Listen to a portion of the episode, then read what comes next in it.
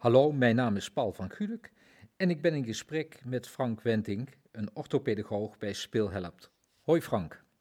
Dag Paul, hallo. Ja, het was even nog uh, stil. Uh, jij zit uh, nu thuis of zit je op je kantoor? Of? Nee, ik ben nu thuis. Ik ben thuis aan het werken. Heb vandaag veel kinderen gezien met digitaal contact. want we zitten in de lockdown. Um, ja. Ik, ja, vandaag. Ja, precies. Kun je helemaal niet meer uh, bij de kinderen op fysiek bezoek? Gelukkig wel voor de kinderen waarbij het echt noodzakelijk is dat we op locatie elkaar zien. Hè. Um, daar kan dat. Maar we willen vanuit Speelhelpt ook rekening houden met de richtlijnen van de overheid. En waar thuiswerken mogelijk is, doen we dat natuurlijk. Ja, en, en hoe bevalt dat zo? Goed als het gaat om begeleiding geven aan kinderen waarbij de vraag een leerprobleem is. Of als het gaat om het leren plannen en organiseren. Dat gaat heel goed via digitale begeleiding thuis. En het is zelfs soms ook een voordeel om kinderen thuis te zien. Bijvoorbeeld als ze een jongen in groep 7, groep 8, die zich toch aan het eh, klaarmaken is voor de middelbare school. Dat je ook gelijk ziet van, goh, hoe bereidt hij zich voor op dat thuiscontact? Heel simpel als ik wil gaan beginnen en er moet nog gezocht worden naar de boeken, dan is dat een hele mooie test voor mij om te kijken van, goh, alles wat we in de klas hebben geoefend, gaat dat goed? Ja of nee? Hè? Hoe pakt u dat thuis op? Ja. Nee, ja, ik kan me helemaal voorstellen. Je krijgt als het ware een kijkje in de keuken, hè? Juist, ja, ja, ja. ja, heel, heel praktisch. En vinden ouders dat, uh, dat plezierig of vinden ze dat eigenlijk wel bedreigend? Ik heb eigenlijk geen ouders gehad die dat, die dat als vervelend uh, hebben ervaren. Wel soms wat confronterend op het moment dat ik dan ook aangeef van goh, laten we even ook stilstaan bij juist die werkvoorbereiding. Zorg dat je alles bij de hand hebt. Zorg voor hè, je boeken, je etui. Heb het allemaal erbij. Van oh ja, die praktische dingen, die vanzelfsprekendheden waar je eigenlijk misschien niet altijd aan denkt. Zeker in de drukte van, van nu. Maar die wel heel belangrijk zijn. Ja, want ik, ik, kan me zo helemaal voorstellen, je hoort dat ook op tv, maar ik uh, hoor het ook van mijn vrouw die op de PABO werkt, dat je een heleboel dingen vanzelfsprekend vindt. Maar dat, dat is in die thuissituatie en in die lockdown eigenlijk helemaal niet zo vanzelfsprekend. Nee, nee, zeker niet. En, en daar nu ook echt mee kunnen oefenen, zeker voor de, voor de bovenbouwleerlingen. Ik vind het, ja, ik durf het bijna niet te zeggen, het is bijna een meerwaarde dat het even kan zo. Nou, kijk, fijn. Frank, wie ben je eigenlijk? Leg eens uit wat je achtergrond is. Ja, mijn naam is Frank Wentink. Ik ben 36 jaar oud. Um, ik werk als orthopedagoog bij uh, Speelhelpt. En doe dat eigenlijk sinds 2009. Zo. Ik heb, uh, ja, dus dat is alweer 12 jaar. Jazeker, ja. In 2009 ben ik daar begonnen met mijn stage uh, toen ik op de universiteit zat in Utrecht. Um, en ik heb in mijn uh, ja, mijn, mijn masterjaar heb ik mijn stage bij Speelhelp, bij Harnie van der Schoot mogen lopen. En dat is zo goed bevallen dat ik daar eigenlijk ben blijven werken. Ja, ja geweldig. Uh, ideaal. Twaalf jaar, dat is een hele periode. Dus je hebt eigenlijk ook een, eh, een hele ontwikkeling meegemaakt van uh, zeg maar een kleinere praktijk naar een praktijk met negen man. Ja, zeker. En, en, en dat. Um, ik, ja, het geeft ook altijd een beetje een gevoel van, van, van, trots. Ik bedoel dat ik dat vanaf het begin heb mee mogen maken. Kijk, Hanni is de praktijk-eigenares, maar ik heb haar ook de praktijk zien, zien laten groeien natuurlijk. Ja. En daar toch een steentje bij in kunnen dragen. Dus ja, zeker. Leuk, ja. ja. Um, jij hebt op de universiteit heb jij eh, in Utrecht uh, gezeten. Ja. Wat was toen uh, jouw afstudeerproject? Mijn afstudeerproject ging over um, faalangst bij kinderen met leer- en gedragsproblemen. En dat was een uh, onderwerp uh, wat ik zelf heb ingebracht. Dus, um, en niet zonder reden, want dat ligt heel dicht bij mij als persoon ook. En zegt ook een hoop waarom ik uh, deze opleiding ben gaan doen. Oké. Ik ben voor de universiteit, misschien goed om te weten, heb ik ook nog een HBO-studie gedaan. Uh, maatschappelijk werk en dienstverlening. Heb ik gewerkt op een uh, cluster 4 school. Dat is een school voor zeer moeilijk opvoedbare kinderen. Ja. Ik heb ook een tijd in de dakloze opvang gewerkt, waar ik op een gegeven moment toch ook erachter kwam van dat gedrag, maar ook leren, maar dan vooral bij de groep kinderen en jongeren, dat dat echt mijn ding is en bij mij past. En om terug te komen op de vraag van het afstudeerproject. Vanuit mezelf, vanuit mijn eigen jeugd, ken ik ook hoe het is als bepaalde vanzelfsprekendheden niet zo vanzelfsprekend gaan. Ik heb, ben naast orthopedagoog, heb ik ook zelf ADHD. En ehm, op school ook best wel wat hulp gekregen als het gaat om het leren lezen en leren spellen. Ja, ja, en dan is eigenlijk uh, zeg maar het feit dat je zelf ADHD uh, eh, hebt meegemaakt, of, of nog steeds ondervindt, uh, dat, je dat, dat, dat, je, dat je dan ook eigenlijk een soort ervaringsdeskundige bent en kinderen daardoor kunt helpen. Ja, in die zin wel. En, en, en kijk, het is niet iets wat ik op mijn, op mijn shirt heb gedrukt van hè, ik heb nee. Ja het, het, het, definieert ook niet wie ik ben, maar het is wel iets wat, wat een rol uh, in mijn leven heeft gespeeld. En zoals je zelf hè, je ook afvraagt, ook nu nog. Ook ja, vandaag ja, precies. Ja, het, ja, het, uh, het, valt mij altijd op dat, uh, bij, dat, dat hoor je vaak. Dan, dan, dan wordt er gezegd bijvoorbeeld, dat is een autist of een ADHD'er. Terwijl ja. dat natuurlijk niks over de persoon zegt, maar het zegt iets over een facet. En dat, wil nog, en het wil nog niet eens zeggen dat je daardoor gedisqualificeerd bent, of dat minder waard of wat dan ook. Dat lijkt me heel belangrijk dat je dat kunt overdragen. Ja, absoluut. En ook leert kennen van het is een facet van wie je bent. En um, nou, voor mij dat facet van wie ik was toen ik jong was en op de basisschool zat, dat was iets, daar liep ik tegenaan. Um, ik was niet de rustigste in de klas. Um, ik had altijd een woordje klaar. En ik heb vaak uh, de buitenkant van het klaslokaal gezien. Ja. um, dus dus toen was dat facet iets negatiefs. En ik, ik ben daar ook in gegroeid. En ik heb ook de krachten ervan leren kennen. Ja, precies. Ja. Ja, dat, dat zijn er echt wel een, uh, een hoop. En, en ik ben zo blij dat ik in het werk, hè, wat ik dus ook gekozen heb om te doen, ook daar heel veel gebruik van kan gaan maken. Ja, leuk. Ja, Dat, is ook, dat is ook alleen maar meerwaarde eigenlijk, denk ik zo, hè? 9 van de 10 keer wel, absoluut. Ja. Soms niet.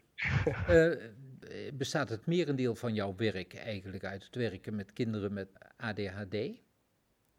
Eh, ja, voor een groot deel. Ik doe onderzoek naar leerproblemen en gedragsproblemen. En dan kom je ook ADHD tegen natuurlijk. Maar niet alleen dat. Het, het zijn uit, uiteenlopende vragen die ik zie voor onderzoek, maar ook voor begeleiding. Bijvoorbeeld ook dyslexiebegeleidingen die ik doe. Ehm, kinderen met faalangst uh, help ik. Een stukje ADHD, leren plannen, uh, leren organiseren. Dat zijn wel de vragen die, uh, die vaak voorkomen, ja. Ja, als je nou het beeld wat men heeft van een, een, kind met ADHD is mm -hmm. een druktemaker. Is dat, ook altijd, is dat altijd het geval? Nee, zeker niet. Nee. Als je denkt aan ADHD, hè, en het is misschien leuk om dat thuis ook eens te doen, dan krijg je al vaak een beeld van een, iemand als Pipi Langkous uh, voor je. Maar dat dat is ADHD, dat is één type ADHD. Je hebt ook het meer, hè, wat ze vroeger noemden, het ADD. Juist het stille kind, juist de kinderen waarvan je vaak hoort van leerkrachten van, goh, hadden we daar maar dertig van in de klas, want ze zijn zo rustig. Ehm, maar ze stellen weinig vragen. Dus op het moment dat er dan toetsen afgenomen wordt, dan denk je van, hé, hey, ja, ze letten op, ze zijn goed bezig, maar veel van die kennis die dan overgedragen wordt, die komt eigenlijk niet binnen. En dat heeft niks te maken met of, of die persoon dat snapt of niet. Maar als de aandacht niet aanstaat, ja, dan kan je nog zo slim zijn, komt het niet binnen. Ja, precies. En dan is het dus eigenlijk zo dat degene, dus die aandacht staat niet aan. En bij de een uitzicht dat door voortdurend afgeleid zijn en drukte. En bij de ja. andere juist door stilte. Door stilte, ja, waarbij de drukte, ik leg dat altijd uit aan de kinderen zelf, van bij sommige mensen zit de drukte echt, eh, die komt naar buiten, dus dat kan je zien in hoe iemand doet en, en hoe iemand denkt. En, maar bij sommigen zit de drukte veel meer in het hoofd. Het drukke gevoel, het altijd idee hebben van, ik, wat moet ik nou, de, de, de, wat paniekerig kunnen reageren, snel in, het, in emoties als verdriet schieten en een gevoel van onmacht, dat is ook ADHD. Het is eigenlijk ontzettend boeiend om dan te ontdekken hoe je zo'n kind kunt helpen, denk ik. Absoluut. Jazeker, ja. En, en heel mooi om dan ook daar waar het passend is, ook over eigen ervaringen te kunnen praten. En, en dat, dat geeft gelijk ook al, ook al is het niet dezelfde vorm van, je weet wat het is als sommige dingen niet vanzelfsprekend gaan. En daar leer je van in de theorie, daar leer je van op de universiteit. Maar ga het maar eens ervaren. Dat is iets heel anders. Ja, dat geloof ik ook wel. Jij bent vestigingsmanager in Den Bosch. Ja. Hoe komen die, de mensen eigenlijk bij jou in de praktijk terecht? Ja, er wordt, uh, mensen komen bij in de praktijk terecht um, vaak via een verwijsbrief. Uh, hè, dat als op school, als het toch wat moeizaam gaat, als er dingen zijn die opvallen of als kinderen ergens tegenaan lopen, Wordt het besproken op school, dan wordt er vaak ook een afspraak gemaakt bij de huisarts om te kijken van goh, wat kunnen we doen aan bijvoorbeeld boosheid, bijvoorbeeld verdriet of het moeilijk luisteren. En een, huisarts die geeft dan een verwijsbrief en met die verwijsbrief nemen ouders contact op met onder andere Speel Helpt. En dan komen ze vaak, uh, naast dat ze Hanny hebben gesproken, de praktijkeigenares, ja. die verwijst ze dan door naar de best passende locatie van Speel Helpt. En daar hoort Den Bosch ook onder. Ja, dat, dat is een van de manieren hoe men uh, bij ons kan komen. Ja. Oké, en dan, dan doe jij een, een, een onderzoek? Zeg ja, ik wou eerst, eerst, een, eerst een intakegesprek. Ik vind het okay. fijn om eerst de, de ouders uh, te leren kennen. Dat, dat, dat, gesprek kan gedaan worden door Hanny of door mijzelf. Dat, ja. de, dat ligt aan een aantal zaken. En dan komen de ouders um, samen met het kind naar de praktijk voor een onderzoek.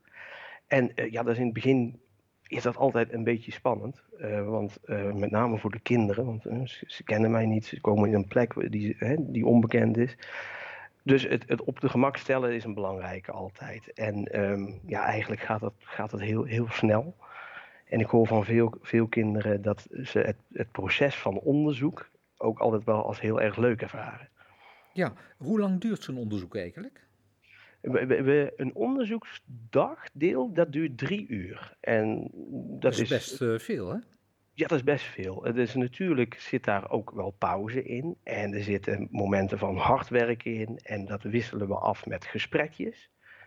Um, dus het, het, is een heel gevarieerd programma. En wat ik heel vaak zie, is dat kinderen het ontzettend leuk vinden als ze er zijn. Maar als, op het moment dat ik dan aangeef van, goh, we zijn klaar, zullen we eens gaan kijken of papa en mama beneden in de wachtruimte zijn? Dan lopen ze met me mee en halverwege zeggen ze dan, goh Frank, ik merk nu pas hoe moe ik ben. ja, dat geloof ik. Dat is iets wat ik heel vaak, heel vaak hoor. Ja. ja, dat geloof ik best wel. Want ze doen natuurlijk ook goed hun best. Ze doen, ja zeker. Ja, en, en, en het, het, het, wat heel fijn is altijd, want kijk, het, het, op de gemak stellen is een belangrijke stap. En wat ik altijd zeg is, je kan niet meer doen dan je best. Ben zoals je bent, ben wie je bent.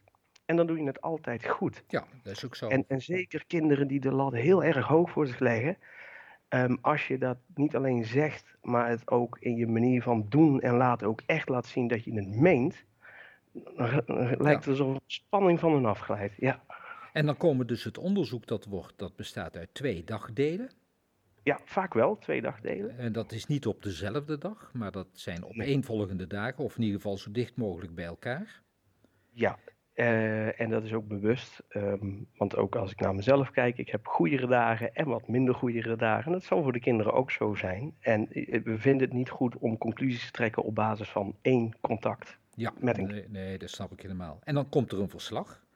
En ja, dat verslag, dat, dat mag ik ook uh, regelmatig inzien. En dat is een heel uitgebreid verslag met een samenvatting in het begin en dan verdere details verderop. Met een ja, heleboel adviezen. Daar ben je wel lang mee bezig, hè, denk ik.